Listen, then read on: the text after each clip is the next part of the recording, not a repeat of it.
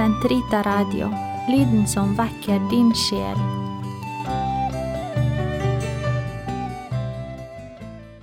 Archedia Åndelig sløvhet i koronatid og fastetid. Ved Eirik Ambrosius Stenhoff. Del 1 Evagrius og Sankt Thomas Aquinas om Archedia Vi nærmer oss slutten av fastetiden. De 40 dagene før påskefeiringen vandrer vi med Kristus gjennom ørkenen. Fasten er en ventetid, og fremfor alt en forberedelsestid. Men selv om fastetiden snart er slutt, er vi tilsynelatende fortsatt midt i koronatiden. Etter å ha levd i over ett år med et smittsomt og farlig virus, og tunge restriksjoner for vårt sosiale liv, og ikke minst vårt religiøse og sakramentale liv, ser vi ikke noen klar avslutning på pandemien. Det siste året har vært en prøvelse for oss alle. Disse prøvelsene har en ytre og en indre dimensjon. Vi er mange som savner muligheten til å gå til messe, treffe venner og familie, og gå på restaurant og handle i butikker som normalt. Mange har dertil mistet jobben, eller er permitterte fra den, eller frykter for livsoppholdet.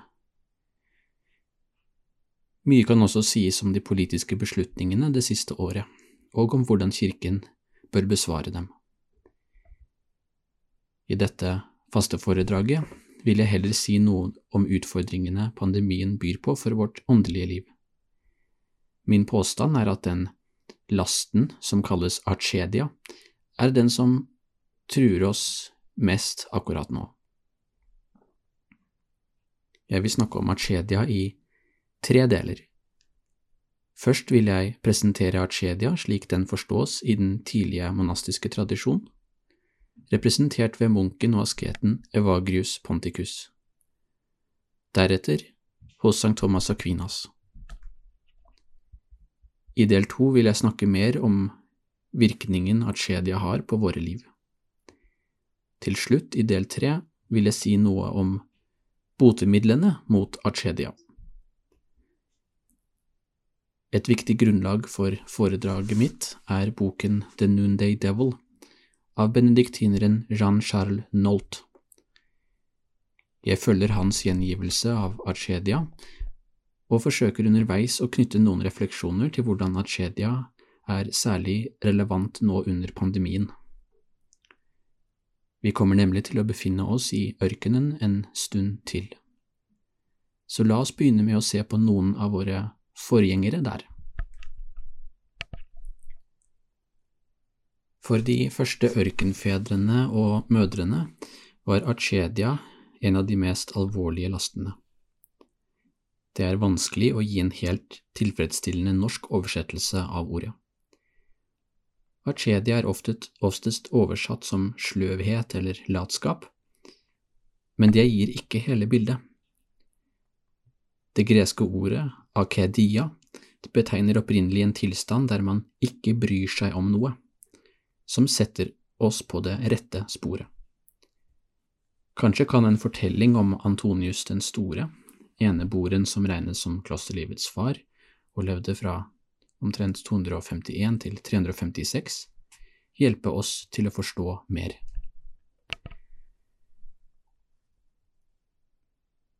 Mens den hellige far Antonius bodde i ørkenen, ble han rammet av Arcedia og angrepet av mange syndige tanker. Han sa til Gud, Herre, jeg ønsker å bli frelst, men disse tankene lar meg ikke være i fred. Hva skal jeg gjøre i min lidelse? Hvordan kan jeg bli frelst? En liten stund etterpå, da han reiste seg for å gå ut, så Antonius en mann lik ham selv, som satt og jobbet, reiste seg så fra arbeidet for å be, satte seg ned for å flette et tau, og reiste seg igjen for å be. Det var en engel som Herren hadde sendt for å irettesette og trøste ham. Antonius hørte engelen si, Gjør dette, og du vil bli frelst. Ved disse ordene ble Antonius fylt med glede og mot. Han gjorde som engelen, og han fant sin frelse.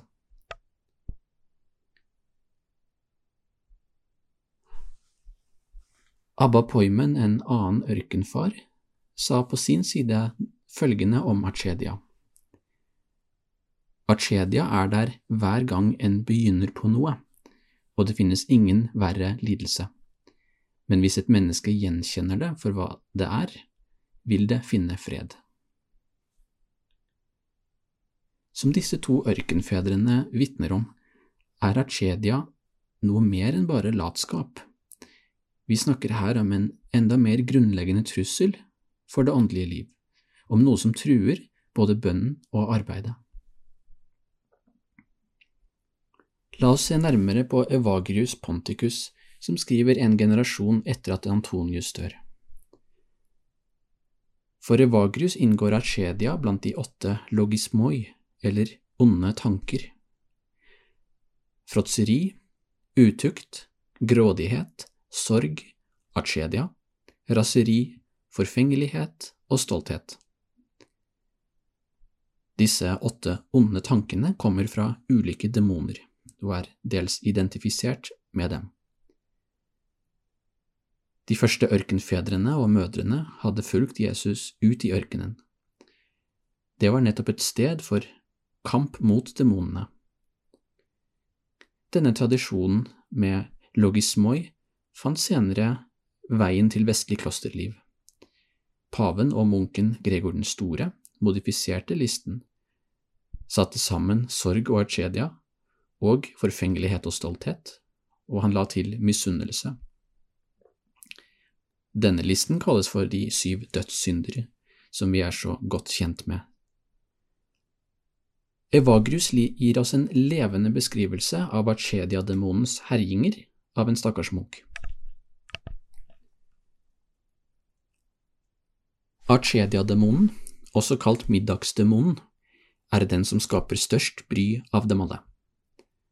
Han går til angrep rundt den fjerde time, og herjer sjelen frem til den åttende. Først får han det til å virke som om solen knapt beveger seg, om i det hele tatt, og at dagen er 50 timer lang. Deretter får han munken til å stadig se ut av vinduet, vandre utenfor cellen og kikke nøye på solen for å regne ut akkurat hvor langt unna den er fra den niende time. Til å se først den ene veien, og så den andre veien, for å se om kanskje noen av de andre brødrene er i nærheten. Demonen setter i munkens hjerte en forakt for stedet, en forakt for selve livet, en forakt for håndarbeidet. Demonen får ham til å tenke at Kjærligheten har forlatt brødrenes liv, at det ikke er noen der til å oppmuntre ham. Og om det skulle være noen som fornærmer ham i denne perioden, bruker demonen det til å fremme enda mer forakt. Denne demonen driver munken til å lengte etter andre steder der det er enklere å oppdrive de nødvendige ting for livsoppholdet, og hvor han kan finne et enklere og mer produktivt arbeid. Demonen legger til at det å blidgjøre Herren ikke handler om å være på et bestemt sted. Skriften sier jo at Gud kan tilbes hvor som helst.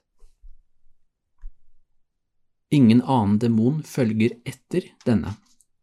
Når demonen er beseiret, følger en tilstand av sjelefred og ubeskrivelig glede.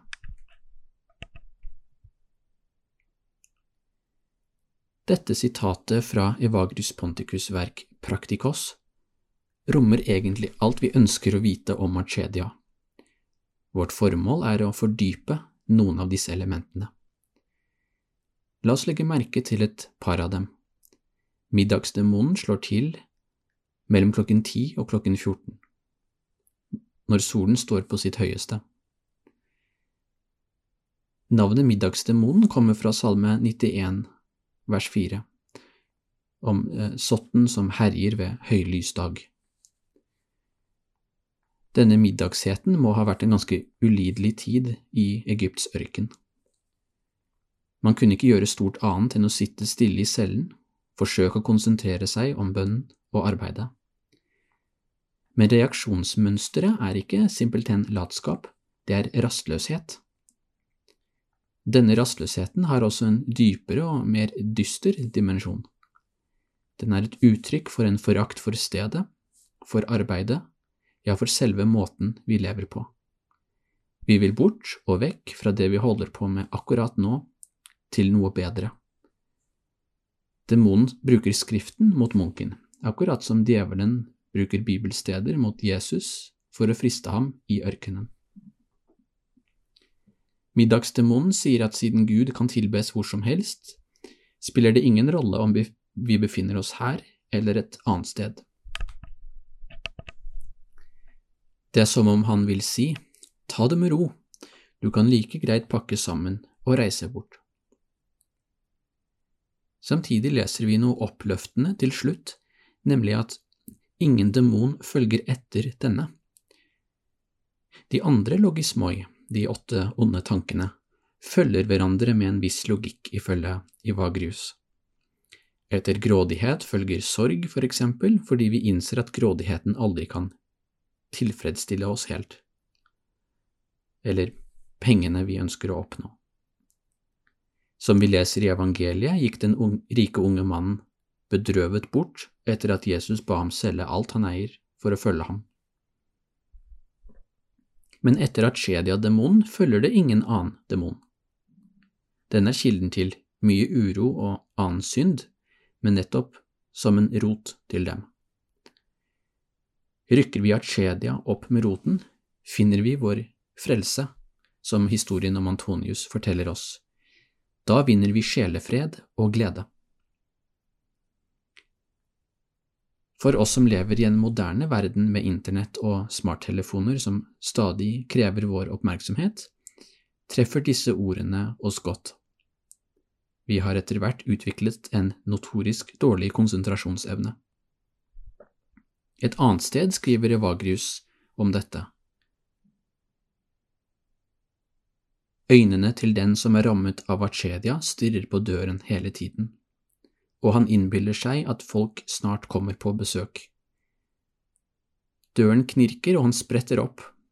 Han hører en lyd og lener seg ut av vinduet og går ikke fra det før han blir helt stiv av å stå bøyd over der. Den som er rammet av achedia, gjesper stadig når han leser, og dupper av.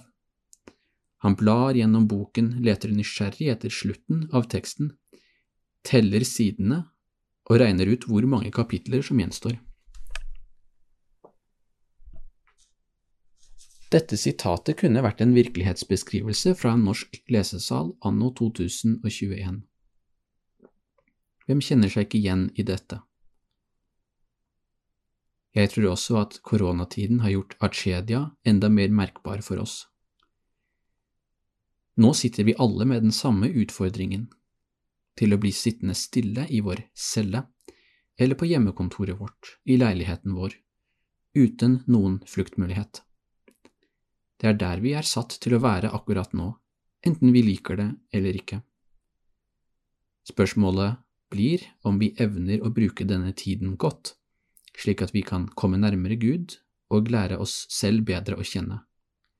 Eller om vi bare fortsetter å gi etter for de mange distraksjonene middagsdemonen byr oss. La oss se til slutt litt på hvordan St. Thomas og Kvinas beskriver Arcedia. Hans kontekst er en helt annen. Han er ikke munk i ørkenen, men lever et akademisk og urbant liv på 1200-tallet. Han har i så måte mer til felles med oss enn ørkenfedrene synes å ha med det første. men St. Thomas' innsikt i Arcedia sammenfaller i stor grad med Evagrius, selv om han aldri siterer ham. St. Thomas gir to grunndefinisjoner av Arcedia. Den første er tristhet over åndelige goder, eller det åndelige gode. Tristitia de bono divino. Den andre definisjonen er avsky for aktivitet. Tedium operandi Nolt bruker mye tid i sin bok på å sette disse definisjonene i sammenheng med St. Thomas' morallære og teologi for øvrig. La oss først se på den første definisjonen, tristhet over åndelige goder. Tristhet står i motsetning til glede, gaudium, som har en helt bestemt betydning hos Sankt Thomas. Gaudium må ikke forveksles med nytelse, som er delectatio. Gaudium er i stedet åndelig glede. Det peker mer konkret på den gleden som følger av at vi realiserer Guds kjærlighet i våre liv, og er en frukt av den kjærligheten. Og den ultimate gleden er å delta i Guds eget liv i himmelen. Men vi har også gleden over livet i Gud her nede, hjulpet av nåden, sakramentene og et liv i bønn. Alle disse tingene inngår som det St. Thomas kaller for åndelige goder, det åndelige gode. Derfor er den tristheten som Arcedia innebærer, en sorg over de gledene som de åndelige godene gir oss. Arcedia får med andre ord det gode til å virke ondt for oss. Og de tingene som burde glede oss aller mest, nemlig livet med Gud i dette livet og det neste, til å fremstå som en trist byrde. Den andre definisjonen av arcedia utfyller den første. Avsky for aktivitet handler om å ikke være i stand til å gjøre det vi er kalt til å gjøre. Dette har altså dype konsekvenser for hele vårt åndelige og moralske liv. Nolt viser til at saligheten, ifølge St. Thomas Aquinas, ikke er en passiv tilstand, men en fullkommen aktus, altså en handling i en forstand. På en tilsvarende måte er vi i aktivitet i denne verden for å kunne realisere den vi er ment til å være. Ja, hele det moralske livet handler om denne realiseringen. Alle de moralske dydene er samtidig påvirket av kjærlighet, caritas, som er en gave fra Den hellige ånd. Avsky for aktivitet har derfor en dypere implikasjon enn at vi simpelthen er melankolske, rastløse eller giddalause, som vi sier på godt norsk. Avsky for aktivitet handler snarere om at vi ikke lar Den hellige ånd virke i oss, slik at vi ikke klarer å oppfylle Guds plan for våre handlinger og for vårt liv. Vi i Senterita Radio ønsker å takke alle våre lyttere som støtter radioen økonomisk. Uten deres støtte ville det ikke vært mulig å dreve denne radioen og podkasten.